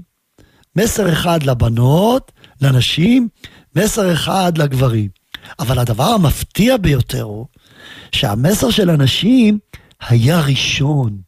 הקדוש ברוך הוא מזכיר את הנשים לפני, כמו שיש היום באנגלית, שאדם מכריז ופותח בדברי נאום, אז הוא מזכיר קודם הנשים ואחר כך הגברים. הפתגם הידוע באנגלית, כולם מכירים אותו. זה, זה מין דברי הלצה שכביכול חנופה כזו לנשים. אבל הקדוש ברוך הוא הקדים את הנשים. אתם חושבים שזה מה בכך? הרי השאלה נשאלת, שואל רבנו בכי על התורה. עיקר מצוות תלמוד תורה מוטלת על, על הגברים ולא על הנשים. נשים פטורות מתלמוד תורה. יתרה מזו, גם התרי"ג מצוות, נשים פטורות מחלק מהותי בתרי"ג מצוות. כל מצוות שהזמן גרמה, נשים פטורות. אז בעצם המטלה העיקרית של המתן תורה הוא על הגברים. וראה איזה פלא. הנשים תחילה זה לא היה סתם איזה חנופה של איזה נואם באיזה כנס בארצות הברית. זה מתן תורה של קודשא בריחו. הקדוש ברוך הוא, ריבון העולמים, נצח נצחים, אין עוד מלבדו. פותח בנתינת התורה לנשים תחילה. אומר רבנו בכי, ודע, יש איזה סיבה. אתם יודעים מה הסיבה? אקרא לכם את הלשון. אומר, כיוון שהאישה היא זו שמביאה את בנה לבית המדרש, לפי שהיא מצויה תמיד בבית, והיא מרעיפה עליו חסד ורחמים, כדי למשוך את ליבו אחר לימוד התורה, שגם כי יזקין לא יסור ממנה. לפיכך, ראוי להקדימה לאנשים בקבלת התורה. תירוץ ראשון אומר רבנו בכיה, האישה היא עיקר מסירת התורה. כי מהי, מהי מסירת התורה? ולימדתם, ולימדתם אותם את בניכם, לא רק לקבל תורה לעצמי, אלא ללמד את בניי. מי זה שגורם שהבן שלי יהיה תלמיד חכם? מי זה שגורם שהבת שלי תינשא לתלמיד חכם ותוותר על כל מנעמי עולם הזה בשביל להינשא לתלמיד חכם באמת, מתוך שאיפה אמיתית? האישה היא זו שגורמת, כך אומר רבנו בכיה. אומר הקדוש ברוך הוא, אם כך, אז היא עיקר התורה. נכון, בצניעות האופיינית היא נמצאת מאחורי הקלעים, אבל מאחורי הקלעים היא המנוע של מסירת התורה. דברים מפליאים. ממשיך רבנו בכי ואומר. לכן ראויה האישה להתפלל לשם יתברך בשעת הדלקת הנר של שבת, שהיא מצווה המוטל, המוטלת עליה, שייתן לה השם בנים מהירים בתורה. כי התפילה נשמעת ביותר בשעת עשיית המצווה, ובזכות נר שבת שהוא אור. תזכה לבנים בעלי תורה הנקראת אור, שנאמר כי נר מצווה ותורה אור. וכן דרשו חז"ל בגמרא בשבת דף כ"ג עמוד ב', הרגיל בנר, הביין לו בנים תלמידי חכמים. אתם יודעים, יש תפילה מיוחדת שהתנסחה, והאשכנזיות אומרות את זה. תפילה מאוד מאוד יפה. יהי רצון מלפניך, תפילה מיוחדת שהאישה מברכת בזמן הדלקת הנרות. שתכונן אותי ואת אישי, מעניין שלא אומרים בעלי, אומרים אישי, יפה מאוד, ואת בניי ובנותיי, וזכני לגדל בנים ובני בנים חכמים ונבונים, אוהבי השם, יראי אלוקים. אנשי אמת, זרע קודש, בהשם דבקים, ומאירים את העולם בתורה ובמעשים טובים, ובכל מלאכת הבורא יתברך שמו. איזו תפילה יפה. זה הנוסח של התפילה שתיקנו לומר בזמן הדלקת הנרות. אני רוצה לומר יותר מזה, מה רש"י אומר במשנה? הגמרא, המשנה באבות אומרת, אשרי יולדתו על רבי יהושע בר חנניה. רבי יהושע בן חנניה, אשרי יולדתו. אומר רש"י, למה אשרי יולדתו? למה לא כתוב אשרי אביו שלימדו תורה? אומר רש"י, לפי שאימו גרמה לו שיהיה חכם, שכל הימים שהייתה מעוברת, הייתה מחזרת בכל יום על כל בתי המדרשיות שהיו בעיר. דמיינו, אישה בהיריון דואגת להיריון, שיהיה תקין, הולכת לטיפול רפואי, מעקב אחות, הריון תקין וכולי, אולטרסאונד וכל הדברים האחרים, אבל היא עשתה מעקב הריון מסוג אחר, מעקב הריון רוחני. בכל יום ויום הייתה הולכת לבתי מדרשות, ואומרת לחכמים שהיו בבתי המדרשות, בבקשה מכם, בקשו רחמים על העובר הזה שבמעי, שיהיה חכם. אומרים חז"ל, זה מה שגרם לו לרבי יהושע בר חנניה שיהיה תלמיד חכם. התחישה האולטימטיבית שלה, בכל יום היא נושאת ברחמה בן זכר בעזרת השם, אבל זה לא מספיק שיהיה בן, אני רוצה תלמיד חכם, כי זה העיקר, זה משרת נפשה של יהודייה, אימא יהודייה.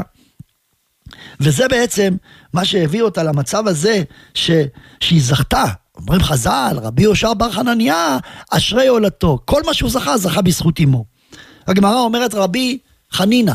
רבי חנינא בגיל 80 היה עושה פעולה ספורטיבית מיוחדת במינה, ככה הגמרא מתארת, שהוא היה מרים רגלו אחת וקושר את צורכי נעליו כשהוא עומד על עומדו. הפלא ופלא, אדם צעיר, ספורטאי לא יכול לעשות דבר כזה.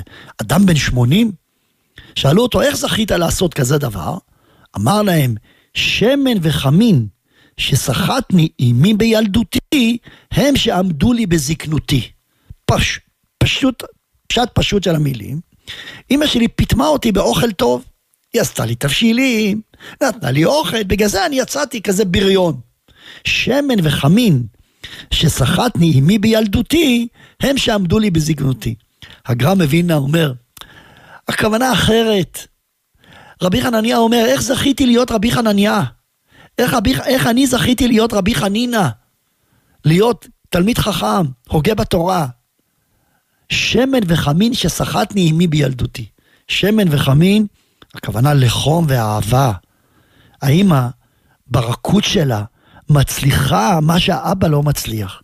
האבא זה מידת הדין, והאמא במידת הרחמים שלה.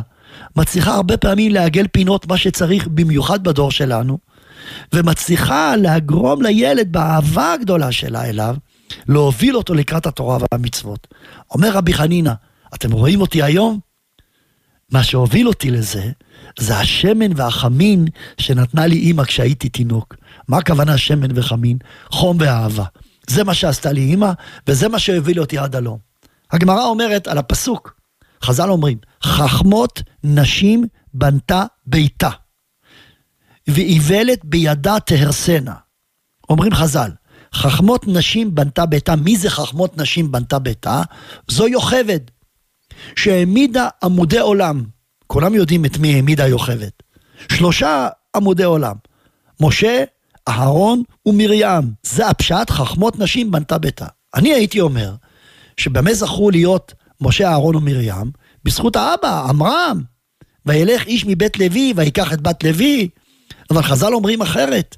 משה, אהרון ומרים זכו להיות מה שהם בזכות יוכבד.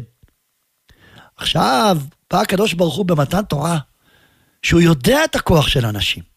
הוא אומר, אה, זה מה שיאפסה לנו בנים תלמידי חכמים. מה שווה שאני אתן תורה לדור, שהתורה תיעצר חלילה ולא תמשיך הלאה לדור הבא? מי נותן לי ערובה שהתורה תמשיך הלאה לדור הבא? זה הכוח של אנשים. חכמות נשים בנתה ביתה, יוכבד. פנה הקדוש ברוך הוא במסירת התורה תחילה לנשים, הנשים בראש, כי הם אלו שמוסרות את התורה. אז בעצם, מצד אחד, האישה פטורה מתלמוד תורה, פטורה מהרבה מצוות שהזמן גרמה, וכביכול היא נמצאת בצד, מאחורי הקלעים, ויאמר הנה באוהל, נכון? וכולי וכולי וכולי. היא לא מתבלטת ולא פורצת בהנהגת הדור, כי זה תפקידה של האישה. אבל עם השקט העצום הזה שלה, היא מצליחה לחולל ולהעביר את התורה לדורות הבאים אחרינו. ולכן התורה מזכירה אותה בראש.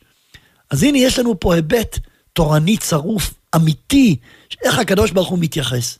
מצד אחד האישה בראש, ומצד שני מאחורי הקלעים. ומצד שלישי, כשהיא מתחתנת עם בעלה, היא נכנסת לבית שלו ומקבלת את הדינים שלו. אז אתם שואלים, מהי דעת תורה? הנה דעת תורה, מה שהתורה מלמדת אותנו. אנחנו לא נגיד אה, אזרחיות ואזרחים, אלא אנחנו נגיד אזרחים, כאשר יש איש אחד בתוך הקבוצה, כי כך לימדתנו תורה. אבל יחד עם זה נוקיר מאוד ונעריך מאוד את הנשים בכוח העצום שיש לה להנחיל את התורה. כה תאמר לבית יעקב ותגד לבני ישראל. הנשים תחילה במסירת התורה, ואידך זיל גמור.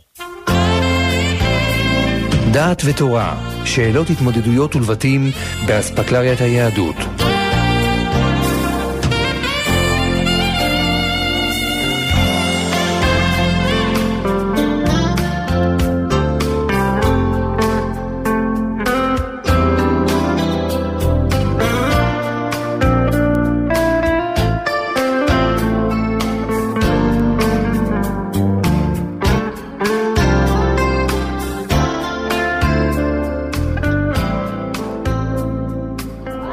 אתם מאזינים ל"הליכות עולם" עם הרב אהרון בוטבול.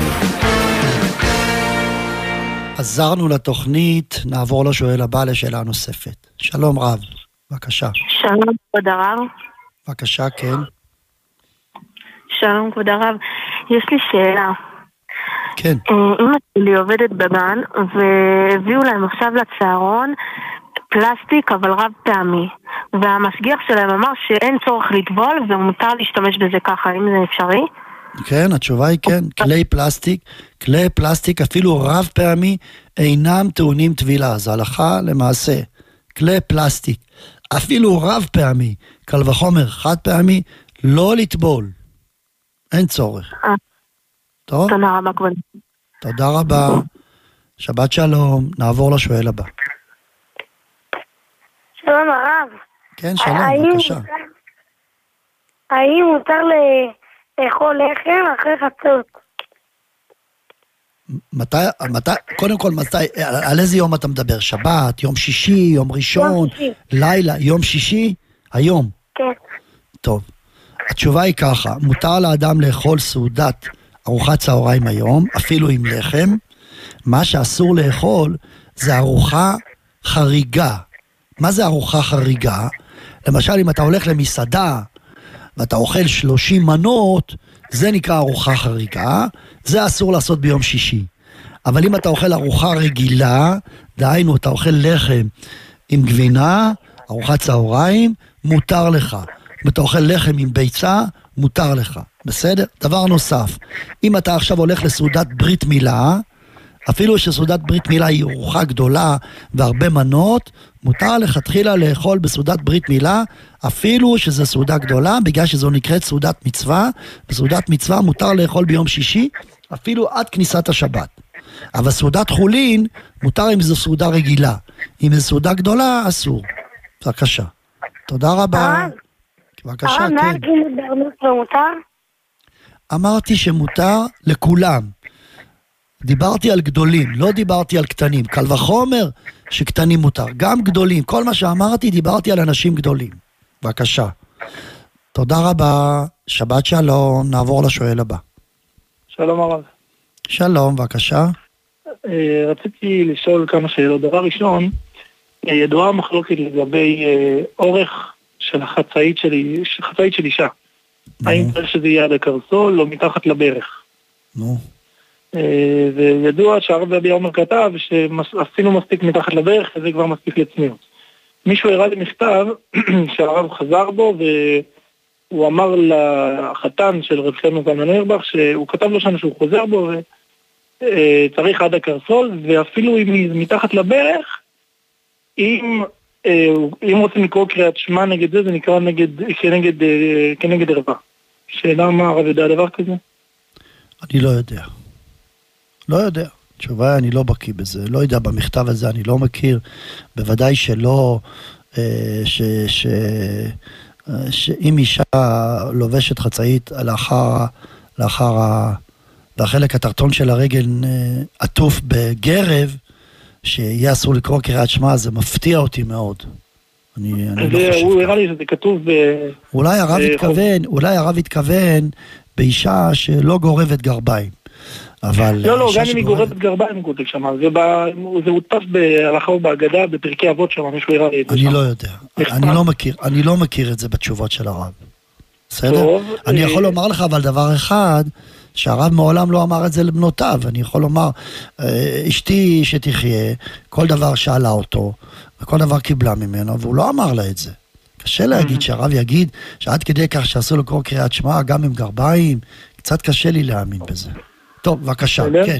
עכשיו עוד שאלה קטנה לגבי, אה, אימא שלי הייתה באיזה מושב לפני איזה חודש, והייתה שם, היה שם איזה מישהו שמוכר פירות סחוטים כאלה, אז הוא מוכר להם, מכר להם אה, רימון סחוט בתוך כלי, בתוך בקבוק, זה היה קפוא אמנם, קפוא וכאילו זה, הולכים הביתה זה מכשיר ושותים. השאלה היא, קודם כל, מה עשרות נגיד שאפשר לעשות, אבל מה עם תבל שביעית, אני לא יודע מי הבן אדם, לא מכיר, הוא בטח גם חילוני, לא יודע. טוב, אז התשובה היא ככה, אה, שביעית אין בעיה, בגלל שהיום פירות הם לא שביעית. פירות, לא, זה קפוא, אבל... אולי זה היה אז והקפיאו. טוב, אז הולכים, אז קודם כל אפשר לשאול. אפשר לשאול אותו ממתי זה. קשה לי להאמין שיחזיקו בקבוק קפוא מלפני שנה, שנתיים. דבר שני, לגבי תבל, אתה מפריש תרומות ומעשרות. עכשיו, עורלה, גם היום ההלכה היא שלא צריך לעשות בירורים על עורלה, כי הולכים אחרי הרוב. רוב ככל הפירות, למעלה מרוב משמעותי, 80-90 אחוז מהפירות, אין בהם חשש עורלה. אז לכן, הלכה למעשה, שהולכים אחרי הרוב. כל דה פריש מרובע פריש. יש תשובה על זה ביביע עומר בהרחבה, שכל דה פריש מרובע פריש, ומעיקר הדין, אפילו אם אין השגחה על עורלה, אפשר לאכול פירות בלי חשש עורלה. טוב, בבקשה. אולי עכשיו שאלה אחרונה, שאלה אחרונה לגבי מה שהרב דיבר בשעה הקודמת עם המאזין שדיבר לגבי אה, חנות בתוך הקניון שפותחים אותה בשביל גויים. כן. לכאורה, אם, אם זה שבבעלות יהודי וגוי עובד שם בשביל גויים, זה עדיין אסור, אה, משום שהיהודי מסתחרר מזה, וזה לא... וזה לא הדעת הדנפשה של הגוי, ולכאורה זה דינות כמו. מרחק בריש לא, מדעת, לא, לא, לא, לא, נעשה סדר. נעשה סדר. אם אדם, מרן כתב בשולחן ערוך, שאם אדם קיבל, קיבל מהמלך גביית, את גביית המכס, מרן מפורש בשולחן ערוך כותב את זה. כתב גביית המכס, הוא, הוא, המלך מינה אותו לגבות את המכס. הוא מקבל אחוזים, יהודי. והמכס פועל גם בשבת, אז מותר לו להפעיל מוכס גוי בשבת, ובלבד שייתן לו אחוזים. כך כתב מרן מפורש, מפורש בשולחן ערוך. ואפילו שיודעים כולם שזה של היהודי, בכל זאת זה מותר. אבל שם כתב מרן, מה הטעם שזה מותר? משום פסיידה. בגלל שיש אה, הפסד שהוא מפסיד, אם הוא לא יגבה את המכס ביום שבת, אז מותר, וכולי. אז פה, פה למשל, זה, זה, זה יותר חמור, המקרה של המכס הוא יותר חמור. ובכל זאת, ובכל זאת מרן התיר. עכשיו, לכאורה, כשיש לנו, כשיש לנו גוי, אני בכוונה אמרתי שהגוי לא מקבל שכר יומי, אלא מקבל Mm. בקבלנות, אני מדגיש. אה, מה זאת לא. אומרת קבלנות? אביא דוגמה. אני סוחר, אני סוחר חברת כוח אדם. והחברת כוח אדם באה ומפעילה לי את החנות על ידי חברת כוח אדם, ואני משלם לחברת כוח אדם עבור ההחזקה של החנות. מבין? לא משלם להם שכר יומי. ואין מראית עין, מותר. רק פה במקרה שזה חנות בארץ ישראל, בקניון יהודי, יש מראית עין. ולכן צריך להתגבר על החשש הזה של מראית עין. זה מה שאמרתי, לכן אסור. אבל זה ודאי שאם הגוי עובד רק, בר- רק בשבתות והוא משלם לו עבור שבתות זה יהיה אסור מדינה, שכיר יום. אה, גם זה, אבל אם הוא מקבל, תקשיב, המקרה, המקרה, של, ה, המקרה של, ה, של, ה, של המכס, זה גוי שעובד רק בשבתות. מקרה של המכס. אבל, ומרן התיר. ולמה מרן התיר? משום פסיידה. אבל שמה אני מדגיש, אני לא נותן לו שכר יומי, אלא אני נותן לו אחוזים מהעסקאות. למשל, אם. המכס אותו היום היה מיליון שקל, אני נותן לו עשרה אחוז. מבין? טוב. בסדר. בסדר גמור, אני. אמרתי שוב, מה שאמרתי זה לא להלכה ולמעשה, דבר כזה לא שואלים ברדיו. תוכנית, שאלה כזו שואלים תלמיד חכם מופלג, בקיא בהלכות. יש בספר הר צבי, כתב אה, כמה וכמה תשובות, איך אפשר להתיר להפעיל חנות בחוץ לארץ של יהודי על ידי גוי. על ידי מכירה, על ידי קניין, כל מיני טקטיקות הלכתיות. וצריך להיות בקיא מאוד, מאוד בקיא בהלכות שבת ובהלכות חושן משפט כדי לענות על שאלה כזו. זה לא שאלה ששואלים רב שכונה, ואני לא מזלזל ברבני שכונות, זה שאלה ששואלים גדול בתורה, שבקיא בדיני חושן משפט ובקיא בדיני שבת, ורק אז, לכן זה לא מתאים לתוכנית רדיו. אני יכול לענות, אבל באופן ספציפי לאדם, באופן כללי, מה ששאל אותי, אמרתי שאסור בגלל מראית עין. טוב, תודה רבה. שבת שלום, נעבור לשואל הבא. שלום. שלום רב, בבקשה. שלום הרב. אה, שאלו את הרב לגבי קבוצה, שחמט דמקה. מה לגבי כן. אה, רמי? אה, מה זה רמי? תזכיר לי, משחק קלפים. כן, שקונים אותו ב- בסריות כאלה. אבל למה, למה, למה אתה- אנחנו לא שומעים אותך טוב? זה משחק שבונים אותו. אה, יופי. יופי, עכשיו. שומעים אותך טוב. מראש צריך לעשות ככה כשמדברים ברדיו. טוב, התשובה היא ככה, רמי זה משחק קלפים, ואתה צריך לאסוף סריות, משהו כזה. כן. טוב, אפשר להקל לשחק רמי בשבת, בגלל שאומנם זה בורר, אבל זה בורר פסו, אוכל מפסולת לאלתר. כשאני מצרף את הקלפים שמתאימים לי כדי לאסוף סריה, זה נקרא שאני בורר אוכל מפסולת, ולכן אפשר להקל. טוב? בבקשה. תודה רבה. תודה, שבת שלום. נעבור לשואל הבא. שלום. כן, שלום, הרב. בבקשה, כן. אה, יש לי שאלה. במסגרת הלימודים שלי, אחד מהמורים ביקש ממני להחזיק לו את הטלפון ובטעות נפל לי. ונשבר המסך. השאלה אם מחויב כאן לשלם על המסך, או שלא. טוב, אני שואל אותך עכשיו, האם אתה פשעת בזה שהמסך נפל, או שזה קרה בלי, בלי פשיעה, בלי רשלנות מצידך? זה בטעות נפל לי. לא, זה לא שאני רוצה בכוונה לשבור. הבנתי. אני חושב שאתה פטור. הדבר הזה דומה בעיניי למה שכתב מרן השולחן ערוך, טבח אומן שקלקל, חייב. בשכר חייב, בחינם פטור. מה המקרה? אז תגיד לרב שלך את מה שאני אמרתי. אם אני למשל לקחתי עוף ונתתי לשוחט לשחוט לי את העוף בשביל כפרות. והשוחט שוחט את העוף, תוך כדי שהוא שוחט אומר לי, סליחה, אני ניבלתי את העוף, עשיתי, אני לא אכנס עכשיו להלכות שחיטה, לחצתי קצת על הסכין יותר מדי, וכתוצאה מהלחיצה העוף הזה נקרא נבלה ואסור לאכול אותו. טוב, העוף הזה עלה לי 50 שקל. עכשיו אני אומר לשוחט, אדוני, תשלם לי 50 שקל. אומר, אומרת הגמרא, וכן נפסק בשולחן ערוך, שאם הוא עושה לי את העבודה בחינם, אז הוא פטור מלשלם לי. אבל אם הוא, אם הוא קיבל שכר, דהיינו שילמתי לו חמישה שקלים עבור השחיטה, אז הוא חייב לשלם לי את כל העוף 50 שקל.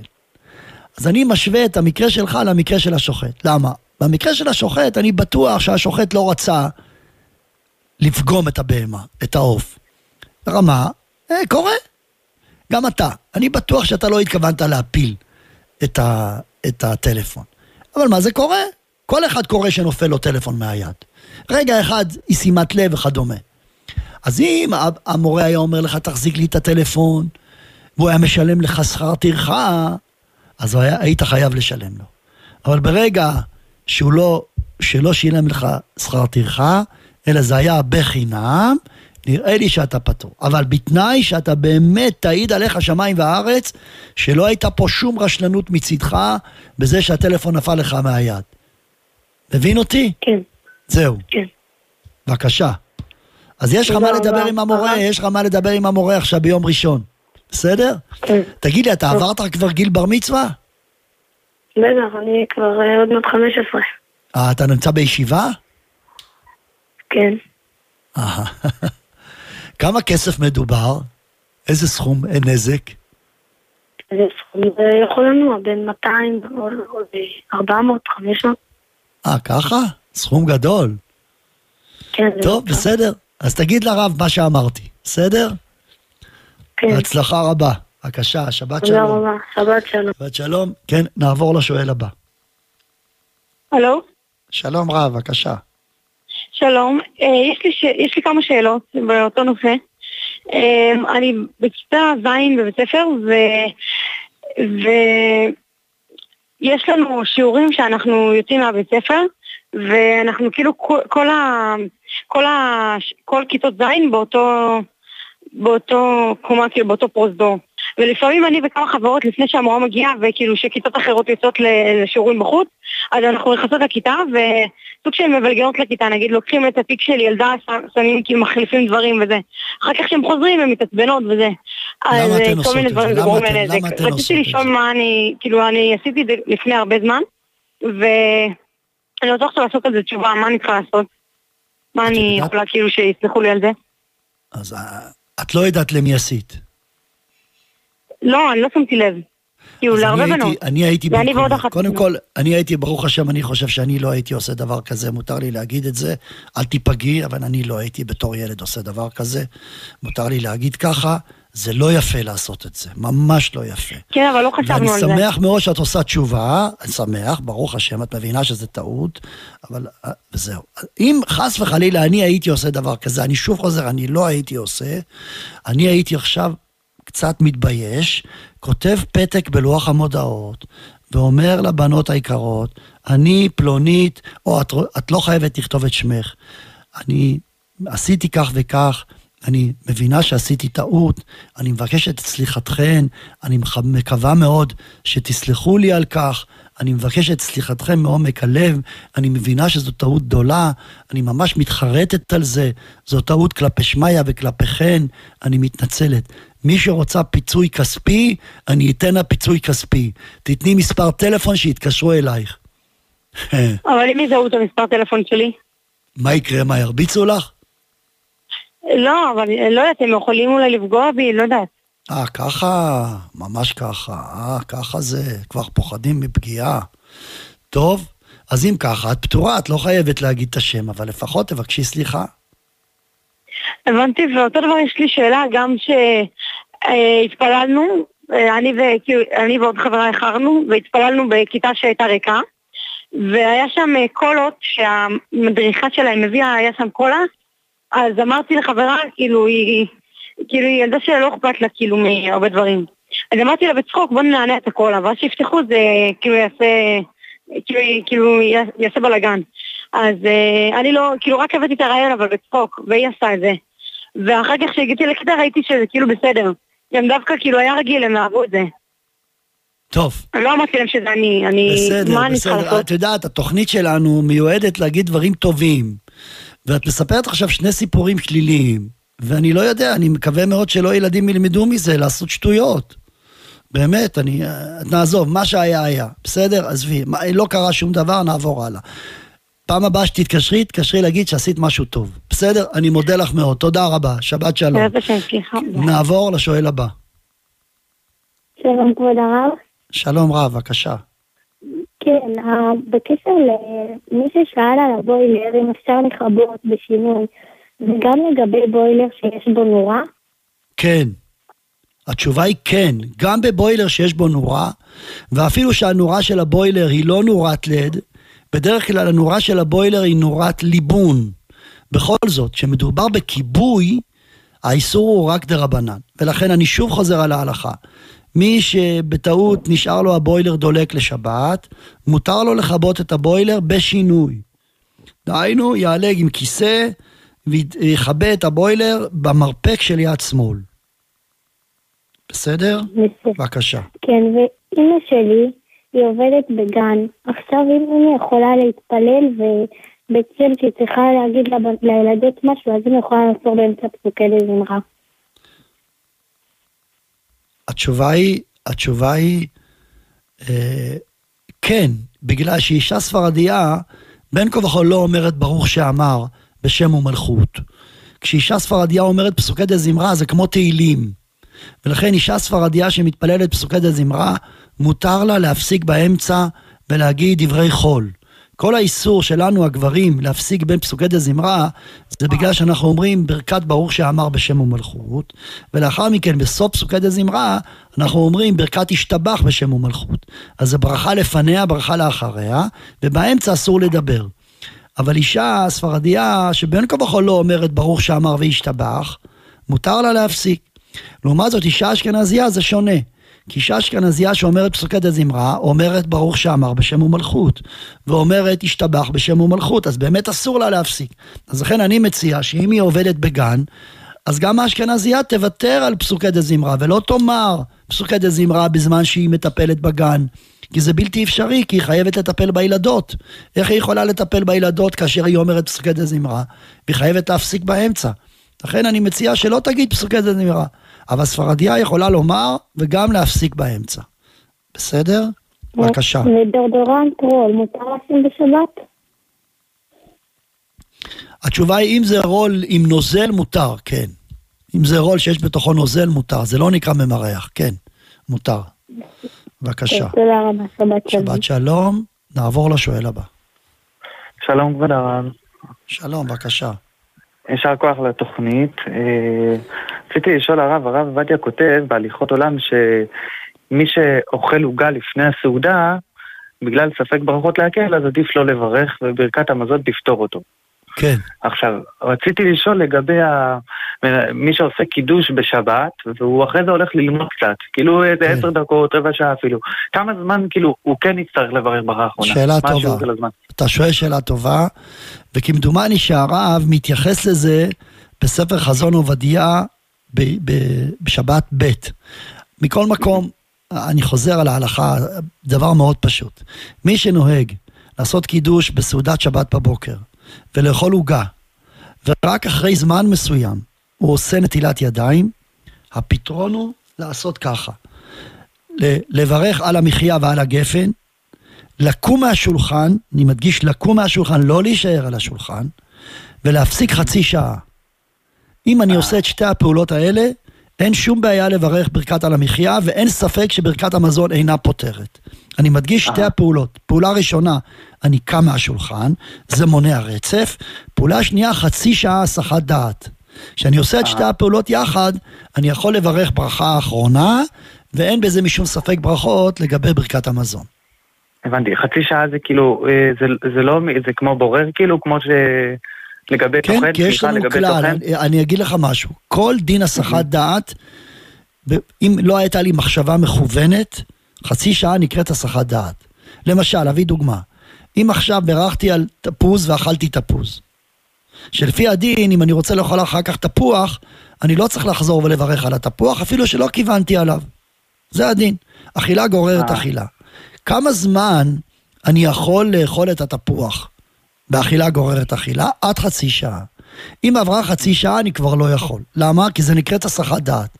כשלא הייתה לי כוונה מפורשת, אני מדגיש. אם הייתה לי כוונה מפורשת, אז אני יכול לעצור את זה מיד.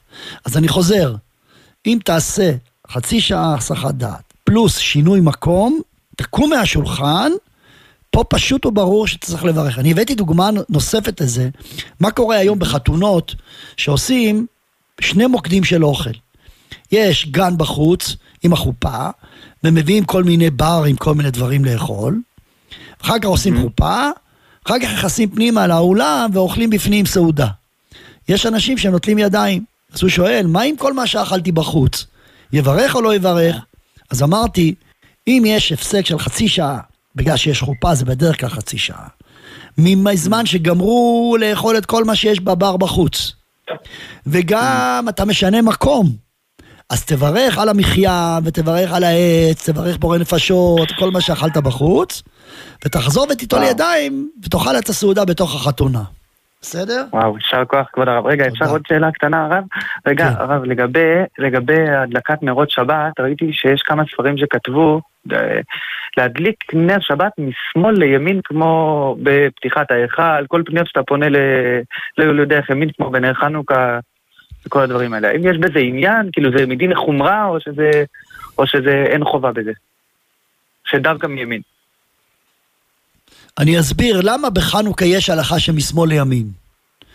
כי, כי בחנוכה יש את הנר העיקרי, ויש את הנרות של ההידור. מבין? אה, אז, אז יש מקום להגיד שהנר הראשון הוא נר עיקרי, והנר השני הוא נר ההידור, אז עושים את זה. אז לכאורה אותו דבר גם בשבת. כי הרי בעיקרון, אם אני מדליק נר אחד, יצאתי ידי חובה. קיימתי את המצווה. הלכה למעשה, שאם לא בירכתי על הראשון, אני יכול לברך על השני. למה? כי מברכים על ההידור כשהוא סמוך לעיקר. אבל לכן נראה שעדיין יש מקום לחש, לחשוש לחומרה הזו, לעשות משמאל לימין. אה, יש מקום. כאילו זה מדין חומרה, אבל זה לא מצורת הדין כמו בחנוכה. ודאי, ודאי, כן. אה, הבנתי. יישר כוח, ממש ממש תודה רבה, כבוד הרב. חזק ואמץ, תודה לך, שבת שלום, נעבור לשואל הבא. שלום הרב.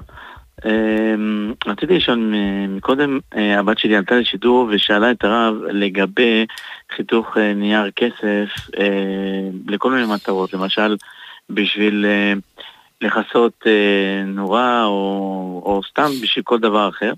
רציתי לשאול, א', אה, מה יהיה הדין אם עושים את זה אה, כאילו ביד או אפילו עוד יותר בשינוי, וב', אה, מאיזה דין זה אסור?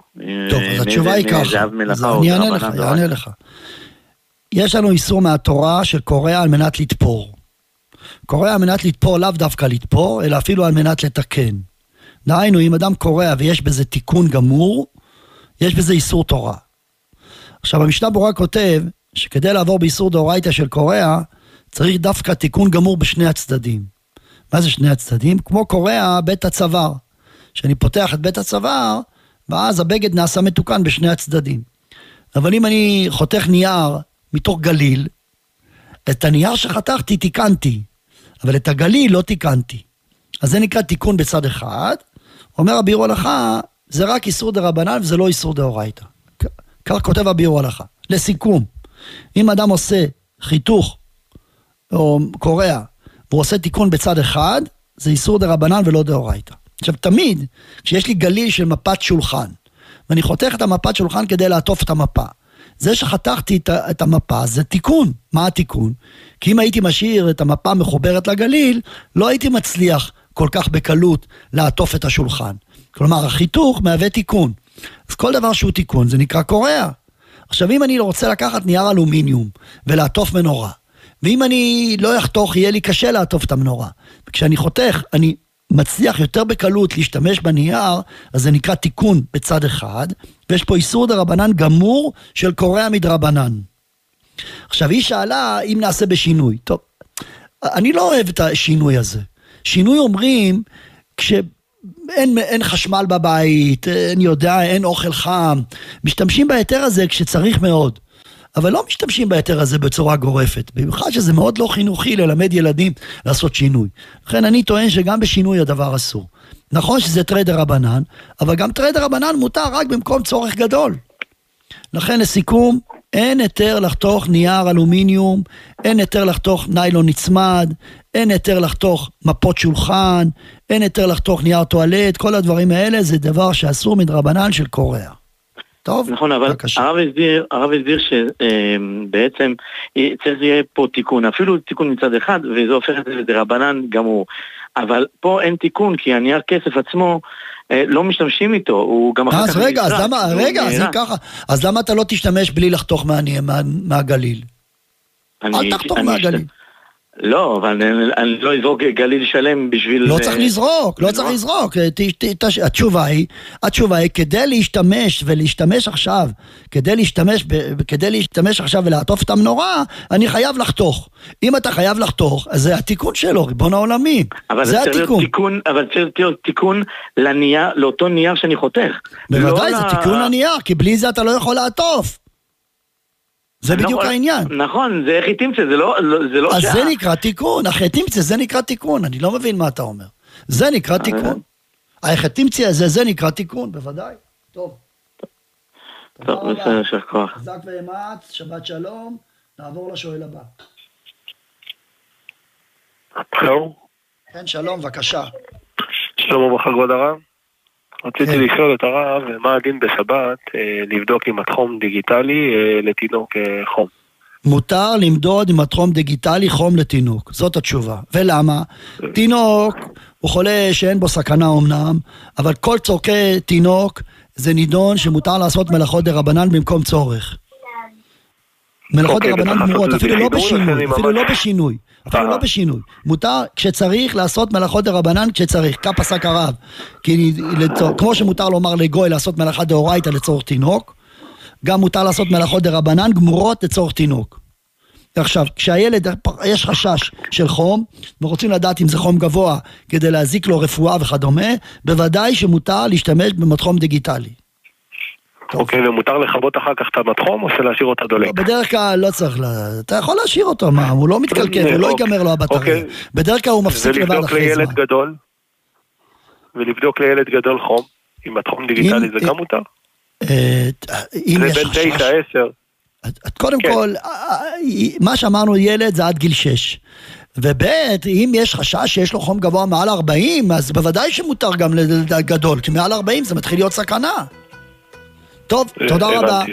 שבת שלום, רפואה שלמה לכולם. טוב, תוכניתנו פה הגיעה לסיומה, אנחנו נאלצים להיפרד מכם. ניפגש שוב ביום ראשון בתוכנית שיחת חולין, וביום שישי הבא בתוכנית הליכות עולם. תודה למפיק החשוב שלנו, יורוני גינטי, שחזר לעבוד ברדיו, יוסף חן, תודה רבה לכם על פעילותכם. חזקו ואמצו, שבת שלום ומבורך.